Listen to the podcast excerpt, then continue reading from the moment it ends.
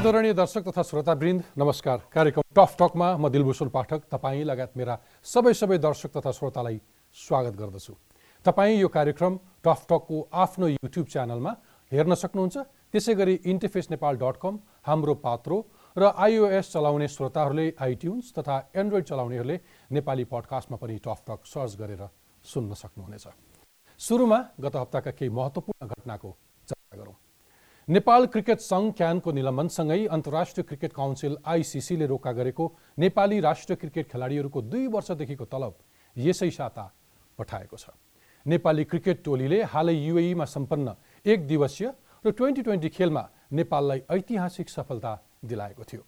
विजयपछि नेपाल फर्केका नेपाली टोलीका कप्तान पारस खड्का र खेलाडी सोमपाल कामीले गत साता यसै कार्यक्रम मार्फत दुई वर्षदेखि खेलाडीले तलब नपाएको लगायतका समस्या उजागर गरेका थिए। सर्वोच्च अदालतले मोबाइल सेवा प्रदायक कम्पनी एनसेलको खरिद बिक्रीका क्रममा भएको लाभ कर असुल्न आदेश दिएको छ। खरिद बिक्रीमा झन्डै साठी अर्ब लाभ कर बुझाउनु पर्ने थियो। सरकारी कमजोरीका कारण उठ्न नसकेको यो लाभ कर हालको एजिएटा र पुरानो कम्पनी टेलिया सोनेराबाट भराउन आदेश दिएको छ।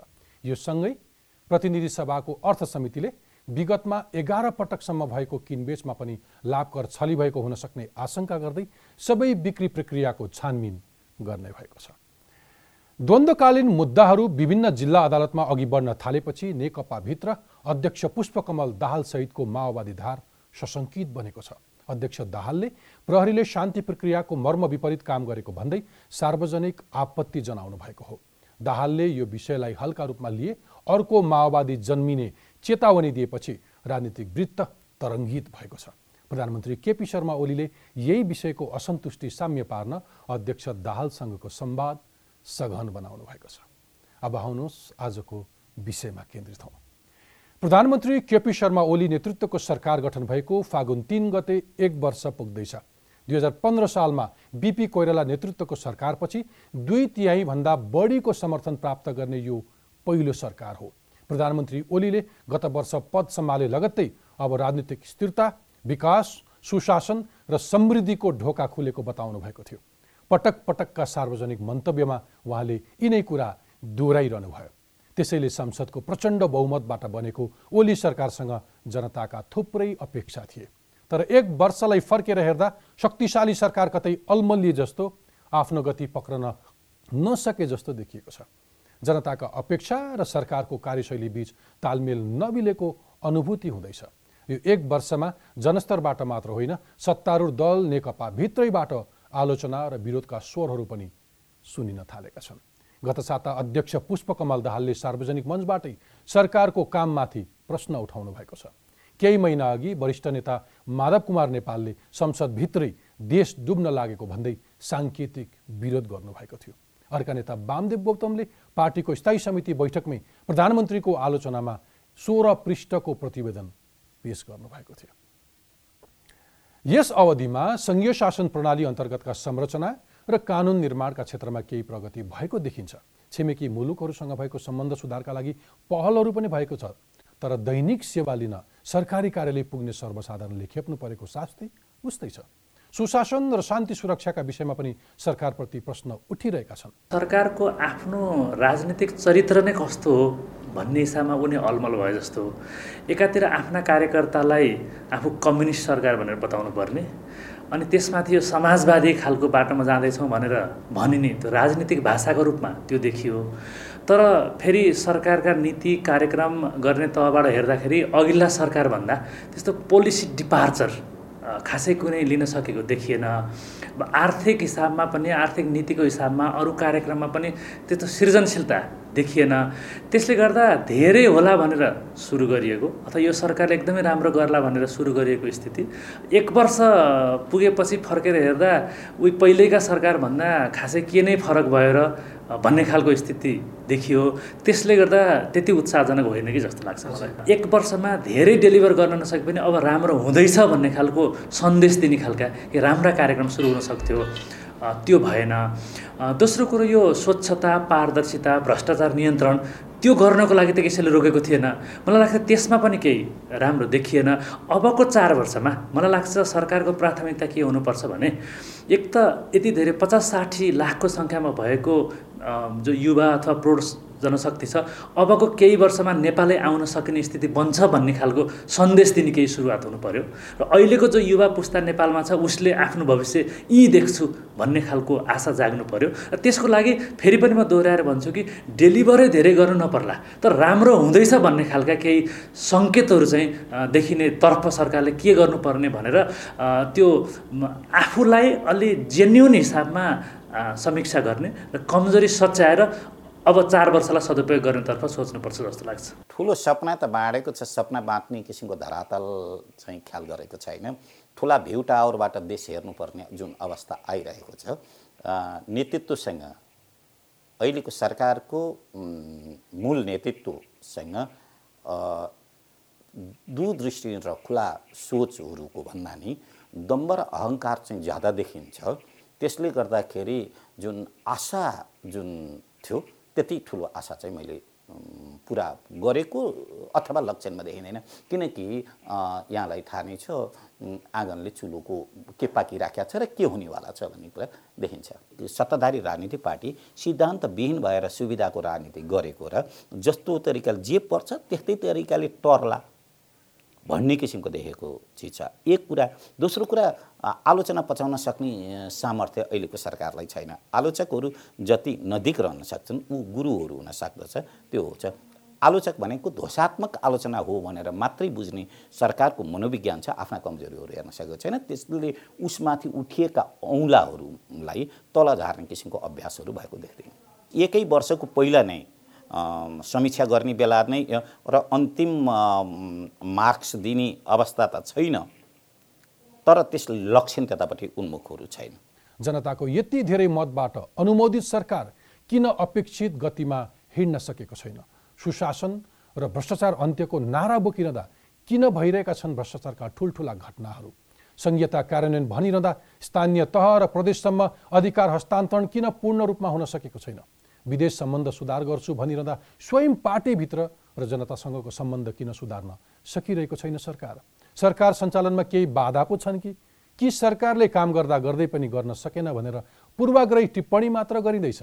यस्तै प्रश्नको जवाब खोज्दै सरकारको एक वर्ष कार्यकालको समीक्षा गर्न आज मसँग हुनुहुन्छ सरकारका प्रवक्ता एवं सञ्चार तथा सूचना प्रविधि मन्त्री गोकुल बास्कोटा। आउनुहोस् स्वागत गरौँ आजका मेरा अतिथि सञ्चार तथा सूचना प्रविधि मन्त्री गोकुल बास्कोटाजीलाई मन्त्रीजी टकटकमा स्वागत छ। धन्यवाद। तपाईँ पहिलोपटक मन्त्री हुनुभएको अनि यो सरकारले एक वर्ष पुरा गर्यो। यो हप्ता कस्तो अनुभव छ पहिलोपटक मन्त्री हुँदै गर्दाखेरि?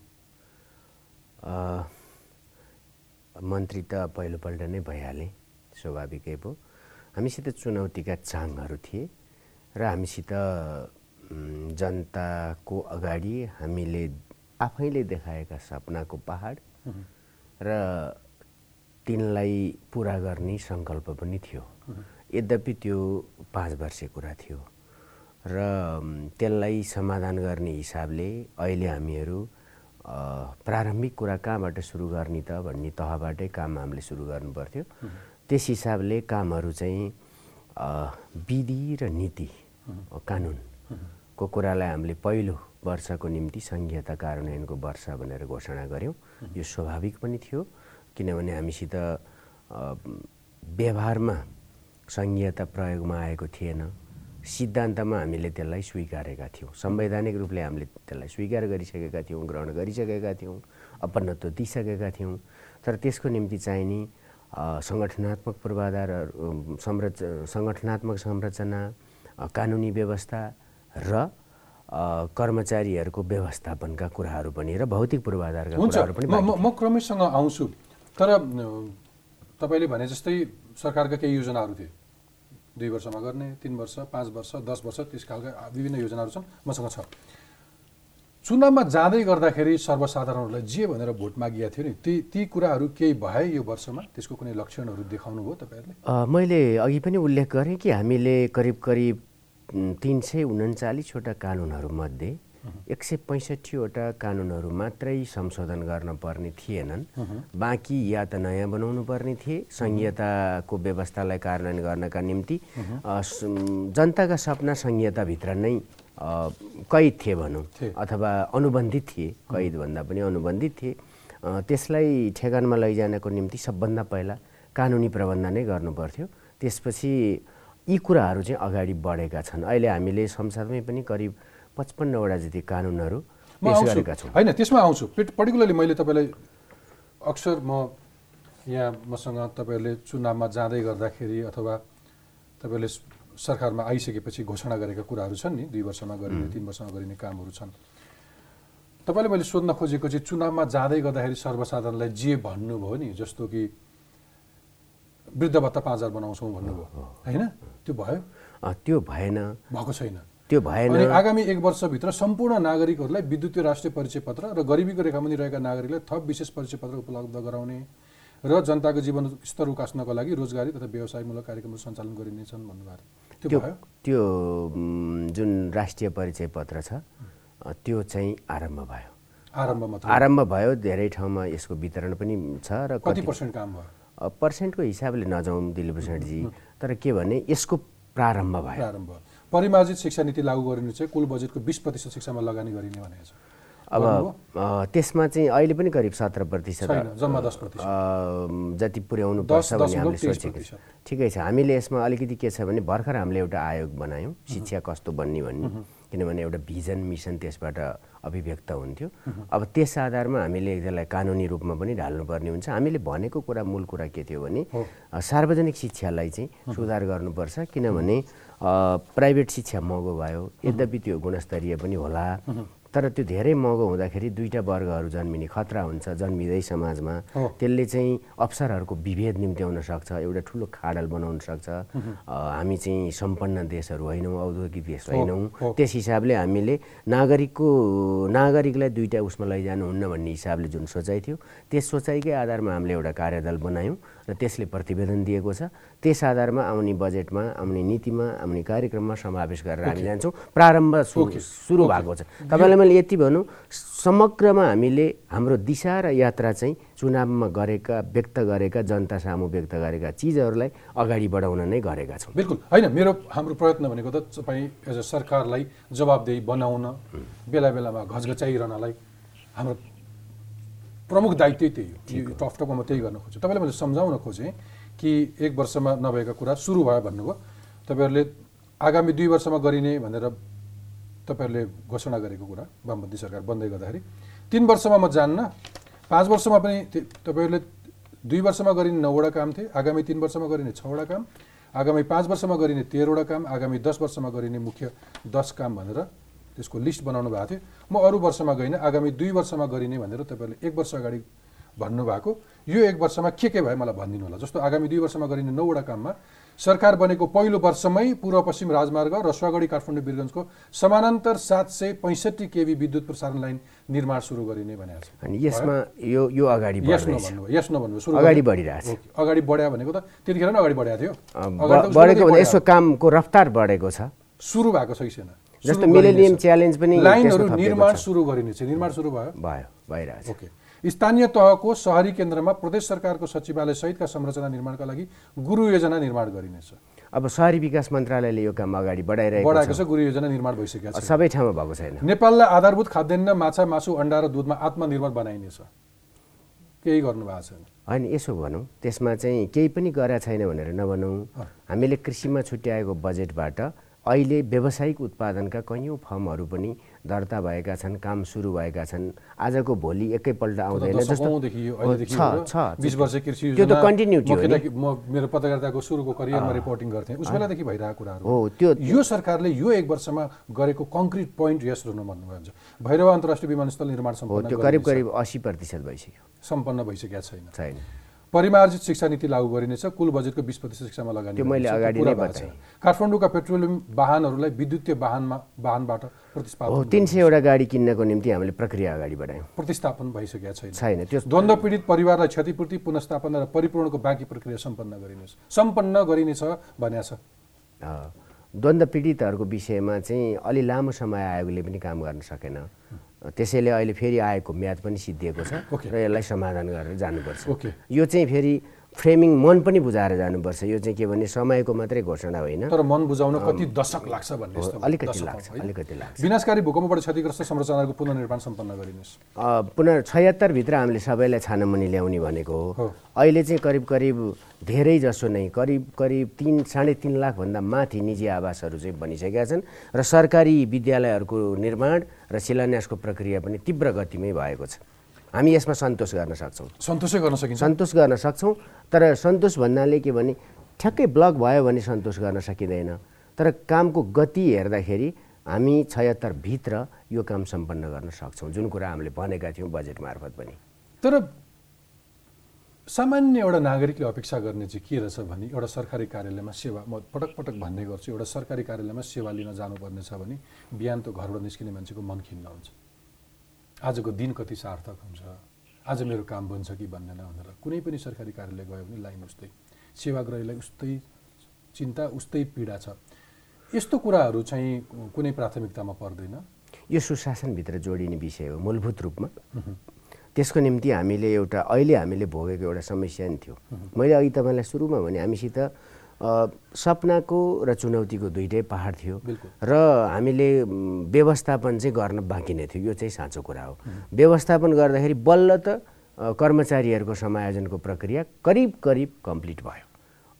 किनभने सेवाग्राहीलाई सबैभन्दा ठुलो समस्या चाहिँ त्यही हो जहाँ अफिसरहरू वा त्यहाँ खटाइएका कर्मचारीहरू हुँदैनन्।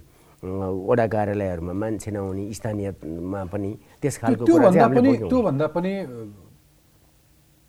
घुस नदिइकन कामै नहुने भनसुन नभइकन कामै नहुने नातागोता चिन्जानको मान्छे नभइकन कामै नहुने। त्यो त जस्ताको तस्तै छ नि। होइन तपाईँले जुन चाङ भन्नुभयो भलै अघिल्ला सरकारहरूले केही गरेका छैनन् जसरी तिनले पनि गरेका थियो होला तर सुधार गर्ने कुराहरू चाहिँ मान्छेले अनुभूत गर्न पाउँदैन। यसो यसो भन्छु म। भ्रष्टाचारको निम्ति हामीले सरकारको तहबाट यसमा टोलरेन्स के गऱ्यौँ वा गरेनौँ? टोलरेन्स हामीले जिरो टोलरेन्स भनेर भनेका थियौँ। हामी त्यसमा सहमत थिएनौँ। तर यो एउटा विकृतिको रूपमा रहँदै आएको कुरा थियो। अहिले धेरै जसो भ्रष्टाचारका केसहरू पनि अख्तियारले पनि समातिरहेको छ। तपाईँलाई त्यसलाई- एक साता अगाडि ट्रान्सपेरेन्सी इन्टरनेसनलले सार्वजनिक गरे एउटा रिपोर्ट नेपाल दुई अङ्क दुई स्थान तल झरेछ भ्रष्टाचारमा। यसो भनौँ त्यसलाई चाहिँ यद्यपि यो सरकार यो यो अघिल्लो होइन यसो हो। यसलाई भनौँ कि यो हरेक वर्षको अघिल्लो वर्षको रिपोर्ट आयो। यो वर्षको यो सरकार बनेपछिको रिपोर्ट त नेक्स्ट इयर आउँछ होला दिलभूषणजी। अघिल्लो वर्ष भनेको पनि त एक वर्ष ठ्याक्कै होइन अघिल्लो वर्षको भन्नाले त्यो त्रिहत्तर चौहत्तरको चौहत्तर पचहत्तर भन्छ के अरे आर्थिक पचहत्तर छयत्तर यो अघिल्लो वर्षको दुई हजार अठारको हो सर। त्यो अठारको रिपोर्ट हो। रिपोर्ट दुई हजारको अठार भनेको तपाईँहरूले दुई हजार सत्ता- अठारभरि तपाईँहरूले शासन गर्नु भएको छ। तपाईँहरूको सरकार बन्यो। सम्हालेको बेलाको हो। तर ती नै संस्थाहरू पनि सुन्नुहोस् न त्यो नै कति अथेन्टिक छ त्यो पनि हेर्नुपर्छ। म यो दाबी गर्दिनँ तपाईँ सामु उभिएर। सम्पूर्ण रूपमा जस्ताको तस्तै ठिक भयो। नागरिकहरूले सम्पूर्ण कुरा पाए म त्यो भन्न सक्दिनँ। तर सरकारको प्रतिबद्धता र सरकारको चाहनामा चाहिँ कहीँ पनि सरकार संरक्षित भ्रष्टाचार चाहिँ अगाडि बढेको छैन। तपाईँको वायु सेवा निगमको वाइट बडीको खरिद प्रकरणमा भएको अनियमितता अथवा त्यो समितिले दिएको प्रतिवेदन अथवा तपाईँका वरिष्ठ नेता माधव कुमार नेपालले यो जुन जोगी आए पनि कानै चिरेको जस्तो भयो यो सरकारको यसले डेलिभर गर्न सकेन भनेर भनिरहने अनि आम जनताले बेलम्चीको पानी खान पाउने अझै पनि अनिश्चितता काठमाडौँको धुलो ठेगान लाग्दैन। यी सबैहरू निर्माण? पनि हुँदैछ। निर्माण हुँदै गर्दा धुलो उठ्छ। जस्तो क कलङ्की जस्तो यहाँको मेलम्चीको खानेपानी नटुङ्ग्याइसकेरै पिच गर्ने भन्ने योजना हो। डबल खर्च किन गर्ने भनेर। एउटा दुर्भाग्यपूर्ण अवस्था हुन गयो। एउटाले ठेक्का तोडेर हिँड्ने स्थिति बन्यो। ठेक्का तोड्ने किन? कमिसनको कुरा नमिलेर? कमिसनको कुराले मात्रै होइन। मैले सुने अनुसार त्यो कम्पनी। होइन कमिसन पनि हो भन्ने कुराको पुष्टि भएको छैन। तर सम्बन्धित कम्पनीले आफूले काम गर्न नसक्ने ऊ टाट उल्टेको भनेर चाहिँ जनाएको अवस्था हो।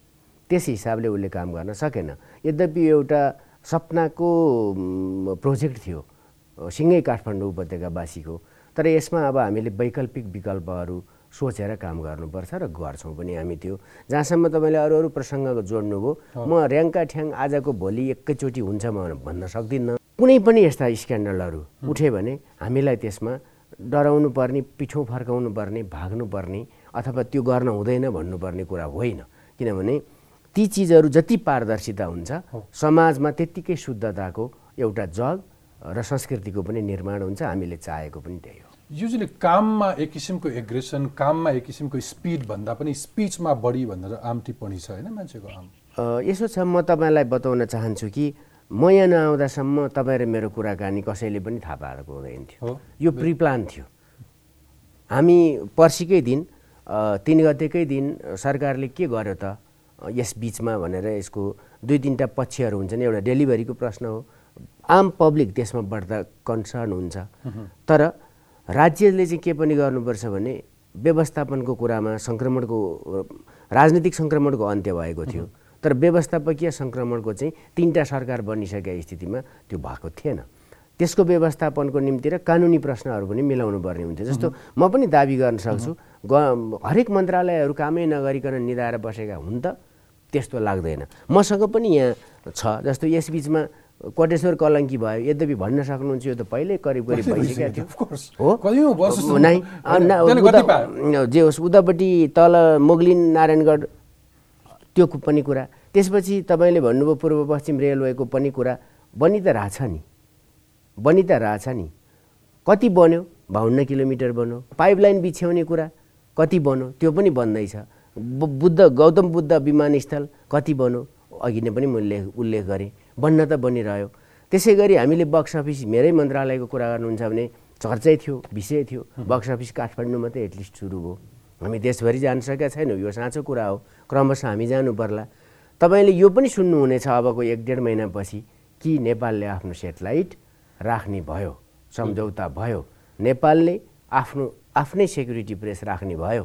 सम्झौता भयो। यो पनि सुन्नुहुनेछ। तर यी कुरा चाहिँ हिजो भाषण गर्न साथ आजै भइसकेका थिएन। हामीसित पुँजी हामीसित प्रविधि हामीसित जनशक्ति हाम्रो सम्पूर्ण क्रय शक्ति त्यस रूपमा थियो कि थिएन। त्यस हिसाबले पनि हामीले हेर्नुपर्छ र दिशा सरकारको आर्थिक परिवर्तनको दिशा र सुशासनतर्फको दिशा जरुरी के अरे सही ठाउँमा गइरहेको छ। तर कतिपय मान्छेहरूलाई कस्तो लाग्छ भने आफू हुँदा मात्रै ठिकठाक जस्तो लाग्छ। म चाहिँ दुइटै कोडबाट पनि हेर्न सक्छु कि म बसेको ठाउँमा भोलि अर्को आउँदा के भन्थ्यो होला भनेर पनि मैले हेर्नु एक्ज्याक्टली होइन हामीले चाहिँ के भन्छौँ भने तपाईँ जानुभन्दा अगाडि के भन्नुहुन्थ्यो र कसरी पुग्नुभयो म यति म म एउटा मन्त्रीको हिसाबले पनि मैले अलिकति कुरा गर्ने मलाई अनुमति दिनुहोस् दिलभूषणजी मैले धेरै कुरा भनेको थिएन। मैले यति नै कुरा भनेको थिएँ। फोर जी प्रक्रिया फोर जी। नेपालको एउटा चाहिँ यो डिजिटलाइज ने डिजिटल नेपालको सपना प्रधानमन्त्रीले देख्नु भएको फोर जीको सुपर हाइवे हामी दुई वर्षभित्र कम्प्लिट गर्छौँ भनेको थियौँ। अहिले हामीले अठार महिनामा गर्ने गरी एक दुई र तिन नम्बर प्रदेशको निम्ति सम्झौता गऱ्यौँ छ र सात भनौँ अथवा सुदूरपश्चिम भनौँ कर्णाली र सुदूर प्रदेश प्रदेशमा यो सुरु भयो। तर चार र पाँचमा अहिले पनि सुरु गर्न सकिएको छैन। एक दुई तिन चार पाँचमा अलि दिनपछि प्रधानमन्त्रीज्यूले शिलान्यास गर्नुभयो अरे भनेको सुन्नुहुन्छ। त्यसको निम्ति त अगाडिको पूर्व तयारी भन्ने त एउटा अवश्य नै हुन्छ। ती कुराहरूले गर्दा अहिले देखिन केही बाँकी छन्। र म यति दावासाथ भन्छु हामी अर्को बजेटसम्म पुग्दा मलाई के लाग्छ भने सम्पूर्ण कुराहरू त म भन्दिनँ एट्टी पर्सेन्ट हामीले अगाडि बढाउन सक्छौँ। अब मलाई भनिदिनुहोस् पर्टिकुलरली संहिता कार्यान्वयनको कुरामा कि तिन तहको सरकार बनेको छ तर तल्लो तहको सरकारमा अझै पनि अधिकार हस्तान्तरण पूर्ण रूपमा हुन सकेको छैन। मैले अघि नै उल्लेख गरेँ यहाँलाई निवेदन गरेँ। तपाईँ मार्फत अब हिमालय टेलिभिजनका सबै श्रोताहरूलाई दर्शकहरूलाई पनि म अनुरोध गर्न चाहन्छु। हामीसित कानुन चाहिँ थिएन नै। संहिता चिनाउने कानुनै थिएन जुन पचपन्नवटा कानुन अहिले पनि छन्। म तपाईँलाई यो पनि बताउँछु प्रेस एक्ट जुन कुरा मूल कुरा हो त्यो नै पनि भर्खर तयारी फेजमा पुगेर कानुन मन्त्रालय पुगेको छ। केही दिनभित्रै त्यो आउँछ। त्यसैले यस्ता झन्डै साठी पैँसठीवटा कानुनहरू प पचपन्नवटा त्यहाँ पुगिसकेका छन् अरू आठ दसवटा आउँछन्। यही सेसनमा आउँछन्। त्यसपछि हाम्रो राजमार्ग बन्छ भन्ने मलाई लाग्छ। हामीले सङ्घीयता भन्ने एउटा एकदम सुन्दर एकदम महँगो सवारी साधन जस्तो बलियो किनेका थियौँ तर राजमार्ग थिएन। राजमार्गको त्यसको यात्रा सुरु गरिदिने कुरा चाहिँ कानुनद्वारै हुन्थ्यो किनभने लोकतन्त्रमा यति धेरै कानुनहरू बन्नुपर्ने थियो होइन किन बनाउन किन समस्या त? अब त्यो त हाम्रो हाम्रो हाम्रो देशको हाम्रो हाम्रो देशको एउटा विडम्बना हो दिलभूषणजी। के भने हामी कहाँ स्थिरता आएन। स्थिरता आउँदा पनि जस्तो बिपीलाई नै पनि बिपीको पालामा दुई तिहाई कङ्ग्रेसले लिएर आयो। त्यसलाई चल्न दिइयो। बिपीको मात्रै अयोग्यता थियो? त्यो बेलामा बिपीका माथिपट्टि एउटा कुनै दरबार थियो कुनै राजा थिए कोही स्वार्थीहरू थिए। अहिले त तपाईँहरू त यति फुल मेजोरिटी तपाईँको त अपोजिसन पनि विक छ कङ्ग्रेस नै नै। त्यतिखेर त्यतिखेर झन् विक थियो। कम्युनिस्ट पार्टी चार सिट मात्रै थियो। होइन? यो भाग्ने तरिका भाग्ने तरिका होइन। मैले भने मैले अर्को प्रतिबद्धताबाट भाग्ने भागिँदा होइन यस्तो फुल मेजोरिटी यस्तो कम्फर्टेबल गभर्मेन्ट तपाईँले पार्लियामेन्टमा जे पनि लान सक्नुहुन्छ चाहेको कुरा कुसो कुसो लाने लगिरहेछ। अनि लगिरहनु भएको छ। अनि यो जनतासँग कन्सर्न हुने महत्त्वपूर्ण यो यो पनि हुन्छ। म तपाईँलाई दावासाथ भन्छु अहिले नै पनि हामीले चाइनासित केही प्रोटोकलमा त सम्झौता गऱ्यौँ नि। जुन कुरा फर्केर अब कुनै प्रधानमन्त्रीले गर्नु पर्ला र खास गरी पारवन सन्धिको विषयमा भारतसित पनि हामीले नदी प्रणालीद्वारा पनि हाम्रो समुद्री मार्गसम्म पुग्ने कुरा गऱ्यौँ। अब कुनै अर्को प्रधानमन्त्रीज्यूले यही मुद्दा उठाउनु पर्ला र मलाई यस्तो लाग्दैन यी उपलब्धि नै हुन्। त्यसै गरी चाहिँ यो रेलवेको पनि हामीले चिनसित पनि भारतसित पनि। यसो केही कुरा त होइन त्यतापट्टि नजाउँ मैले म संहिताको कुरा आउँछु मुख्यमन्त्रीहरूले पटक पटक ध्यान आकर्षण गराए। अन्तर प्रदेश परिषदको बैठक बसेन भयो दुईपल्ट बस्यौँ। र हामीले धेरै कुरा फुकायौँ केही केही सहमति स्रोत तथा वित्त आयोग गठन अझै पूर्ण रूप पाएको छैन। तपाईँको अरू साझा अधिकार सूचीका कानुन बनाउने सम्बन्धी विधेयक वित्त वित्त वित्त आयोगमा बालानन्द केमा हुनुभयो र पौडेल? कुन आयोग? तपाईँ आफू सन्तोष हुनुहुन्छ यो गति जुन जुन गति म हो त्यसमा चाहिँ म तपाईँसित सहमत हुन सक्छु। हामीले जुन स्पिडमा लान सक्नुपर्ने थियो त्यो स्पिडमा दिशातर्फ मोडिएका छौँ। हाम्रो थुतुनु भनौँ न सरकारको थुतुनु त्यता छ। जनताको चाहना थियो यो हन्ड्रेडमा चलोस्। हामी अहिले तिस पैँतिसमा चलेका हौँला होइन? तर हाम्रो गति नै जिरो जहाँको ताई छ त्यो पनि म मान्दिनँ। मेरो प्रश्न त्यो पनि होइन। मेरो प्रश्न त्यो पनि अनि हन्ड्रेडमै पुगो यो पनि होइन। हन्ड्रेडमै पुर्याउँछौँ यो पनि म भन्दिनँ। एट्टीको हाराहारीमा पाउनु हुनेछ कर्मचारी समायोजन गर्न केले रोक्यो तपाईँहरूलाई समस्या के हो? नयाँ व्यवस्था थियो विभिन्न स्वार्थ समूहहरू पनि त्यहाँनिर सक्रिय भएका थिए। आन्दोलन बैठक छलफल किनभने यहाँ लोकतन्त्र थियो। त्यसमा भर्सक हामीले सहमतिको बाटो लिन खोज्यौँ। कानुन बनाउने जस्तो कुरा अपनत्व ग्रहण गर्ने कुरा र भोलि उनीहरू खटिने ठाउँमा गएर इमान्दारीपूर्वक उत्साहपूर्वक काम गर्नुपर्ने कुरा। ती कारणहरूले गर्दाखेरि हामीले चाहिँ धेरै चिजहरूमा सरोकारवालाहरूसित पनि छलफल गरेर गयौँ। तपाईँले सिन्डिकेटकै कुरा नि गर्न सक्नुहुन्छ कि हामीले राम्रो थियो जनताले रुचाउनु भएको थियो। तर सरकारसित अर्को विकल्प थिएन। जहाँ हामीले घोषणा गऱ्यौँ त्यसमा त अरू सहमत हुनु भएन। त्यसैले हामीले म्याद थप्यौँ। अहिले अहिले संहितामै बसौँ। संहिता कार्यान्वयनको प्रतिबद्धतामा चाहिँ सरकार चुक्यो भनेर तपाईँहरूको पार्टी अध्यक्ष प्रचण्डजीले असन्तुष्टि जनाउनु भयो नि? किन होइन यसो नि। सङ्घीयतालाई कुन रूपमा हामीले बुझ्ने? सङ्घीयता छुट्टा छुट्टै देशहरूको सङ्घीयता होइन थियो। नेपालको सङ्घीय प्रणालीभित्रका तिनवटा शासकीय प्र इकाइहरू थिए ती। त्यसरी बुझ्नुपर्छ। त्यस हिसाबले हामीले अन्तका पनि प्र्याक्टिस हेर्नुपर्छ।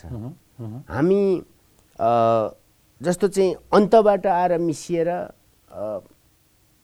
राज्यहरू विभिन्न राज्यहरू मिलेर अथवा मैले यसो भन्दा के हुन्छ? तपाईँहरूलाई कुनै पनि अधिकार तल दिन मनै छैन। केन्द्रमा आफै आफ्नै हातमा सबै आफ्नै हात जगन्नाथ हुन चाहिरहनु। नै त्यसरी त्यसरी त संहिता सफलै हुँदैन।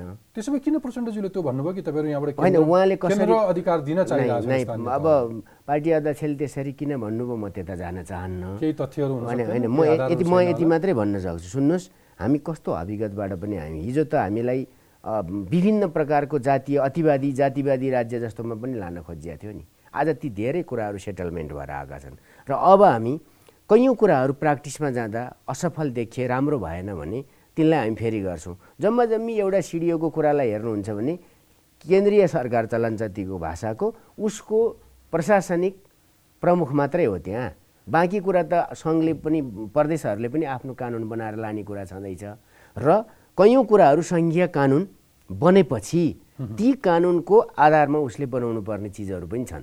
त्यसैले यसलाई चाहिँ सफल बनाउनको निम्ति सबै तहमा एक खालको समन्वय जरुरी छ। यसमा उत्तेजनाभन्दा बढ्ता हाम्रो देशको वस्तुगत अवस्थालाई बुझ्न पनि जरुरी छ।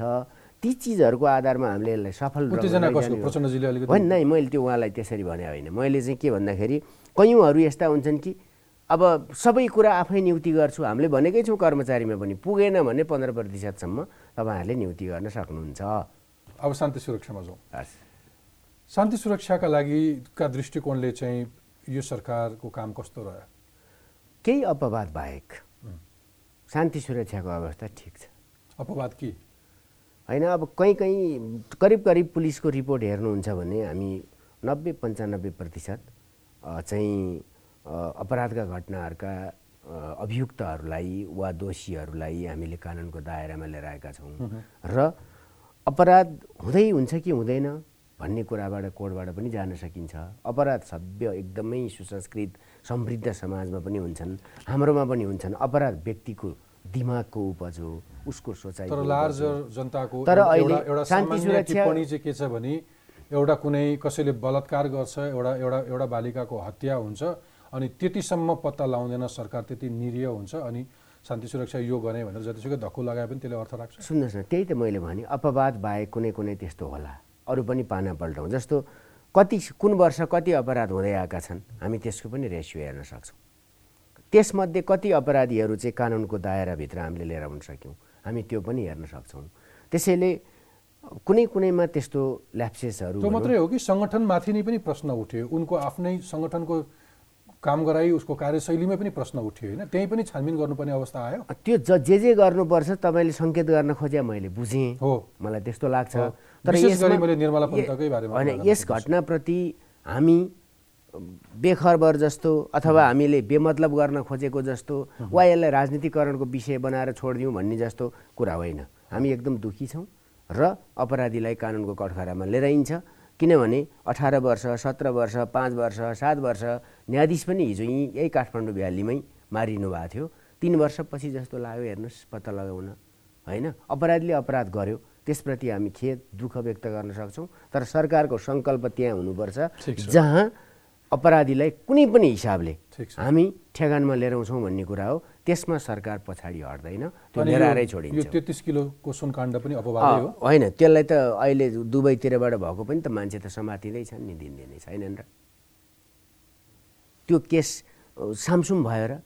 तन्किँदो छ छ कसैलाई समाउनुहुन्छ अनि यस्तो कमजोर मुद्दा लिएर जानुहुन्छ अनि अदालतले ती मान्छेलाई छोडिदिन्छ? अदालतले छोड्ने कुरा बेग्लै प्रसङ्ग भयो। तर भर्खरै पनि इन्डियामा सुन समात्यो। होइन र? त्यही तेत्तिस किलो सुन। मान्छे त दुबईबाट समात्यो नि यसलाई असफलतै भन्न मिल्ला र। अर्को चाहिँ तपाईँ पत्रकारिताको पृष्ठभूमिबाट आउनुभयो। अब यो छोडिदिउँ। अलिकति सरकारको पारदर्शिता अथवा सरकार कसरी अङ्कुश लगाउन खोज्दैछ भन्ने कुरा। तपाईँ आफै पनि एउटा पत्रकार सूचनाको क्षेत्रमा काम गर्नुभयो। सम्पादक भएर धेरै पत्र पत्रिकामा सम्पादन गर्नुभयो। तपाईँ आज सञ्चार मन्त्री सूचना तथा सञ्चार मन्त्री हुनुहुन्छ। तर एउटा मन्त्री परिषदले गरेको निर्णय यसो बाहनाबाजी गरेर अलिकति ढिलो गर्न खोज्नुहुन्छ तत्काल दिनलाई अरू कुनै बाहनाहरू सिर्जना गर्नुहुन्छ किन? त्यस्तो छैन तपाईँले हेर्न सक्नुहुन्छ। आजको दिनमा गरी- मन्त्री परिषदले जे निर्णय गर्छ तपाईँ पब्लिकमा भन्नुहुन्छ? सबै भन्ने गरेछ सही गरेरै दिने निर्णयहरू- तपाईँले हरेक बिहिबार तपाईँले हरेक बिहिबार मैले सही गरेर जारी गरेको चिज पनि पाउनुहुनेछ। लाइभ पनि पाउनुहुनेछ। बाहेक क्याबिनेटले अरू कुनै निर्णय गरेको हुँदैन। सानातिना कुरा कुनै कसैलाई त्यो भयो फलान ठाउँबाट फलान ठाउँमा सचिव सरुवा भयो यो चाहिँ मैले भन्ने गरेको छैन। कति कुरा त खुसुक्क गरिएको हुन्छ होइन होइन। त्यो कुराले केही अर्थ राख्दैन किनभने सरुवा गर्ने सरकारको राइट हुन्छ। फलानाको कहाँ सरुवा भयो फलानाको जस्तो हिजो अस्ति कतिजनाको एस एसपीको एसएसपीमा बढुवा भए होइन? मन्त्री परिषदको निर्णय कहिले सार्वजनिक गर्नुहुन्छ? तपाईँ एक साता पर्खिनुहुन्न होइन एक साता पर्खिँदैनौँ नि हामी। तपाईँ भन्छु कहिलेकाहीँ दुईवटा मिटिङ भइसकेको हुन्छ दुइटैको हामी त्यही दिन भन्छौँ। बिहि बिहिबार चार बजे। अनि सोमबार कुनै निर्णय गर्यो भने? सोमबार निर्णय गर तत्काल कार्यान्वयनमा जाने छ भने कार्यान्वयनमा जान्छ। यति सबल मिडिया छ थाहा पाइहाल्छ हामीले अर्को पनि भनेको छौँ मन्त्रालयबाट होइन? होइन हरेक मन्त्रालयमा प्रवक्ताहरू छन् उनलाई प्रतिबन्ध लगाएको छैन ती चिजहरूमा तर कैयौँ कुराहरू परिपक्व हुन बाँकी छन् भने त्यसको संशोधनको अवधि छ भने ती चाहिँ तुरुन्तै भनिएका। यो साँचो कुरा। सरकार अपारदर्शी हुन खोजेको। कुनै कुरामा अङ्कुश लगाउन खोजेको छैन त्यो त कल्पना नगर्नुहोस् किनभने नि यस्तो कल्पना किन भइरहेको छ म नै बुझ्दिनँ जहाँ जसको संविधानमा संसारमै नभएको एउटा एउटा मात्रै दुई दुईवटा अक्षरको शब्द छ। त्यसलाई तिनवटा पनि भन्नुहुन्छ। आधिकारिता पूर्ण र प्रेस स्वतन्त्रता। प्रेस स्वतन्त्रता धेरै ठाउँमा छ। पूर्ण भन्ने चाहिँ अगाडि हाम्रोमा मात्रै छ। अनि त्यो संवैधानिक व्यवस्थालाई च्यालेन्ज गर्ने दुई तिहाईको त कि तिन तिहाई सरकारको पनि हैसियत हुँदैन बस्नेले त नि। जे पनि गर्न सक्छ होइन गर्न। सक्दैन पाइँदैन। किनभने डेमोक्रेसी त्यो होइन नि त। संविधानलाई मिच्ने कुरा डेमोक्रेसीको भित्र हुँदैन नि। हुन्छ र सम्भव छ र। सरकारको आफ्नो कार्य सम्पादनलाई सहज गराउने कुरा भयो तर सूचना लुकाउने कुरा होइन। यो सम्भवै छैन कि? यो यो सम्भव नहुने कुरामा किन पत्रकारले प्रश्न सोध्ने बित्तिकै नै यो सरकारलाई मन्त्री असाध्य रिसारै बोल्नुहुन्छ किन सोधे जस्तो गर्नुहुन्छ तपाईँसित।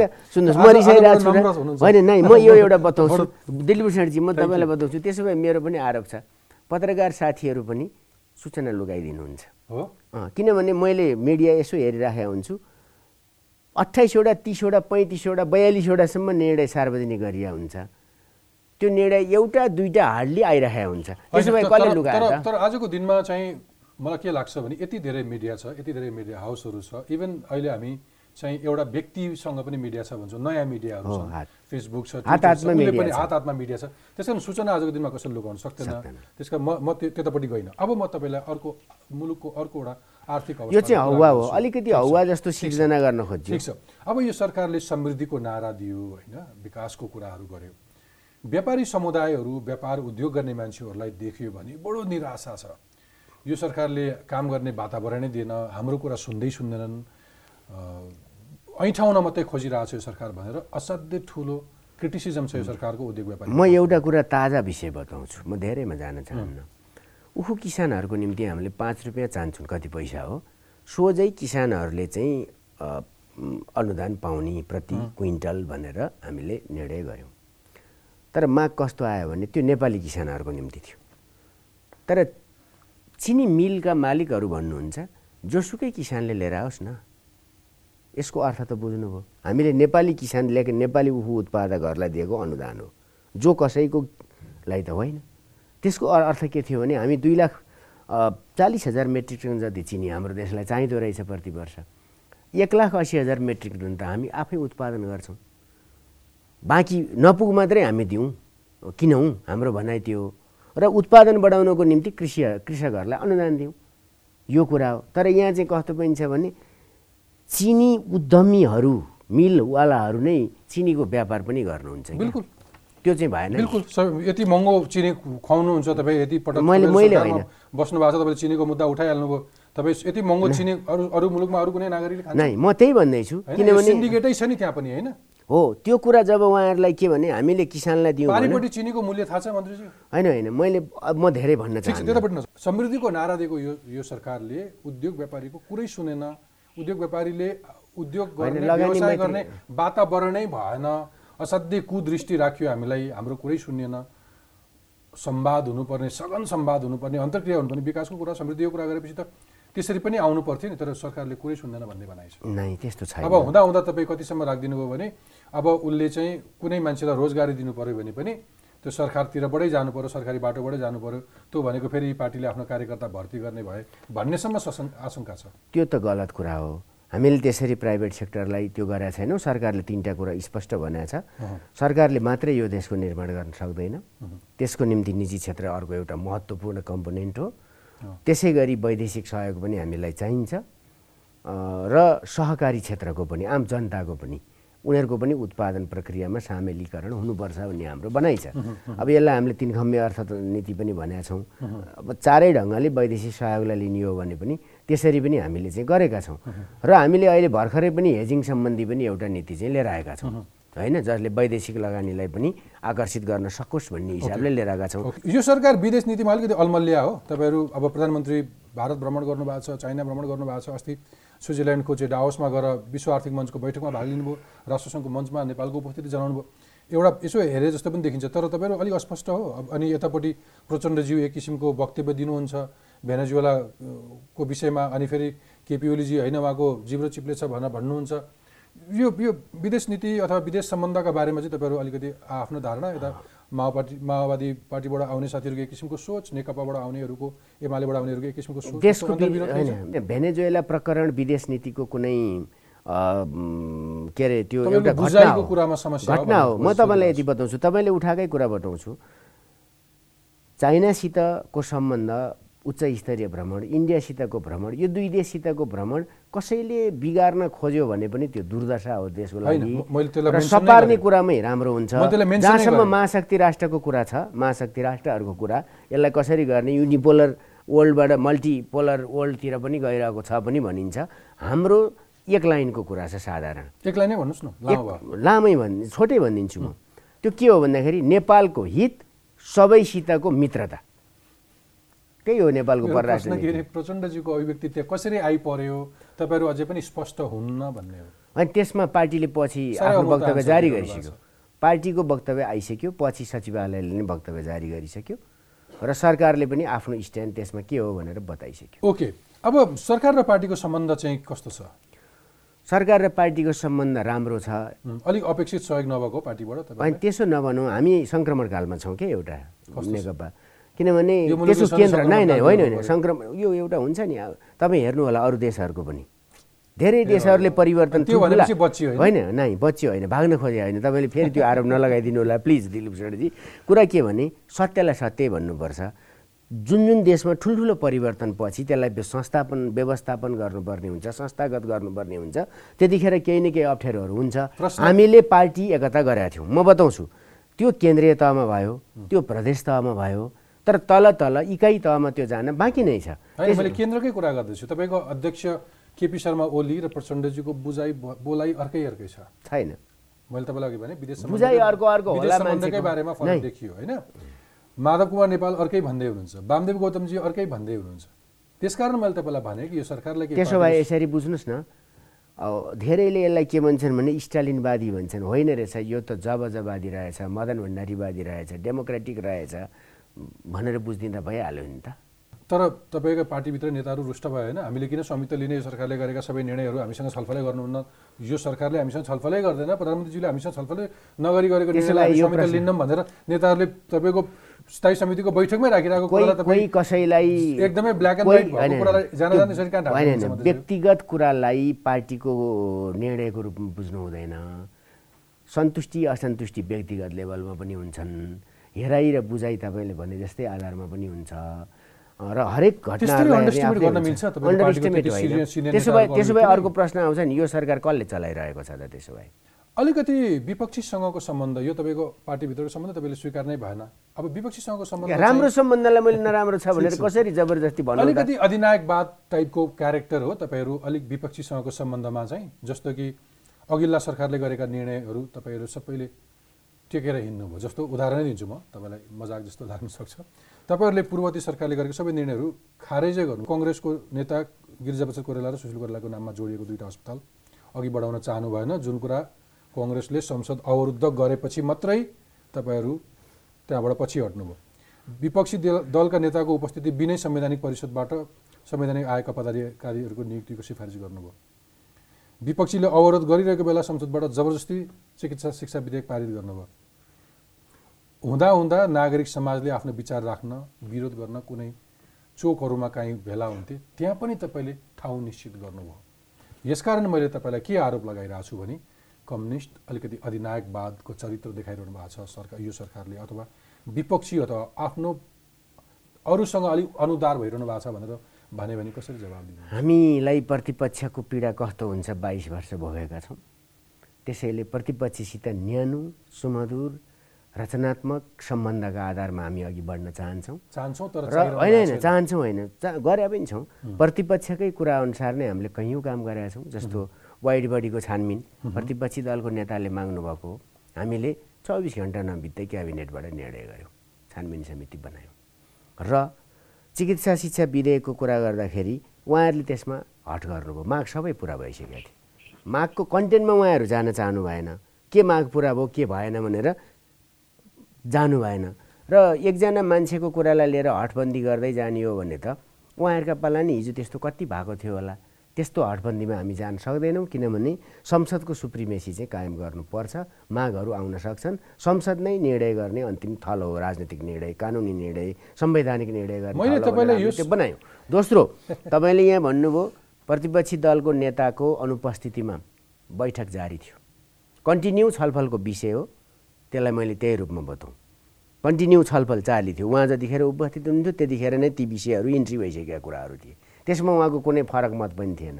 अब होला भन्ठानियो गरियो। अब जम्मैको पनि होइन। पाँचवटा कि छवटा कतिवटाको भएको छ। अझै अरूको त बाँकी नै पनि छ। त्यसैले प्रधान न्यायाधीशकै कुरा गर्नुहुन्छ भने पनि उहाँ उपस्थित भएरै गरेको कुरा हो। होइन? त्यसैले त्यो तपाईँले लगाएको आरोप अधिनायकवादी भन्ने कुरामा म किन मानिन्न भने हिजो कुर्सीमै बसेर गरेको थियो। अहिले त कम्तीमा रोस्टममै गएर बिल पेस भयो नि त। त्यसैले हामीले बदला लिन पनि खोजे होइन। यस्तो प्र्याक्टिस कहिलेकाहीँ हुन्छ? किनभने विषयलाई बुझ पचाएपछि जहाँसँग को दुईवटा हस्पिटलको कुरा छ त्यो नक्कली हल्ला मचाउन खोज्नु भएको थियो सरकारले दिन खोजेको थिएन हामीले लडेर लिएर आयौँ है भनेर उहाँहरूले पार्न चाहनुहुन्थ्यो त्यो एउटा स्टन्टबाजी थियो अनि त्यसो भए पछिल्लो त्यो नाम हट्यो त? पछि- पछिल्लो पोइन्ट पनि भनिदिनुहोस् न अनि- त्यो नागरिक समाजले आफ्नो विचार राख्नै नपाउने बुद्धिजीवीले बोल्नै नपाउने होइन होइन? अब? सुन्नुहोस् जहाँसम्म माइतीघर मण्डलाको कुरा छ त्यो अदालत धाउनुपर्ने विषय होइन लाखौँ नागरिकहरू ओरदोर गर्ने ठाउँमा आफ्नो अधिकारको प्रयोग गर्दा अरूको अधिकार नागरिकै भन्छु है सरकारको हननबाय होस् इट्स ओके सरकारलाई हैरानी खेलाउन छ भने पाइन्छ। होइन नै नै सरकारले कुनाकानीमा किन? यत्रो सेटेलाइटको जमानामा जहाँबाट पनि तस्बिर आउँछ कुना कन्दराको यत्र टेलिभिजन च्यानल छन्। तपाईँकै च्यानल दसतिर कुदिरह हुन्छ नि? क्यामेरा तेर्साएर हिमालयकै कुदिरह हुन्छ नि? म एउटा भन्छु अधिनायकवादी चाहिँ हामी किन होइनौँ भने सात सालदेखि आजसम्मको परिवर्तनमा सम्पूर्ण परिवर्तनमा एकातिर कङ्ग्रेसको काँध छ अर्कोतिर नेकपाको काँध छ। यो चाहिँ सत्य हो यो इतिहास मेटिँदैन। त्यसैले पूर्वाग्रही आरोप लगाइदिनु भएन। ठिक छ यति मिठोसँगले भएका सारा टिप्पणीहरू तपाईँले अस्वीकार गरेर आफ्नो स्पष्टीकरण दिइसकेपछि तपाईँलाई अर्को एउटा मौका दिन्छ नि मन्त्रीज्यू। तपाईँले यो सरकारलाई यो एक सय यो एक एक वर्षमा गरेको कामको मूल्याङ्कन गरेर मार्क्स दिनुभयो भने एक सयमा कति दिनुहुन्छ? पचासै दिन्छु नि त्यहाँभन्दा कम किन दिन्छु मैले? किनभने हामीसित छ महिना टाइम बाँकी छ। हुन्छ। तपाईँको महत्त्वपूर्ण समय र विचारका लागि धेरै धेरै धन्यवाद। तपाईँ त्यति धेरै सन्तुष्ट हुनु भएन जस्तो छ। जब देखिनेछन् परिणाम त्यसपछि हो रहेछ हुनेछ हामी फेरि भेटौँला। धन्यवाद। धन्यवाद,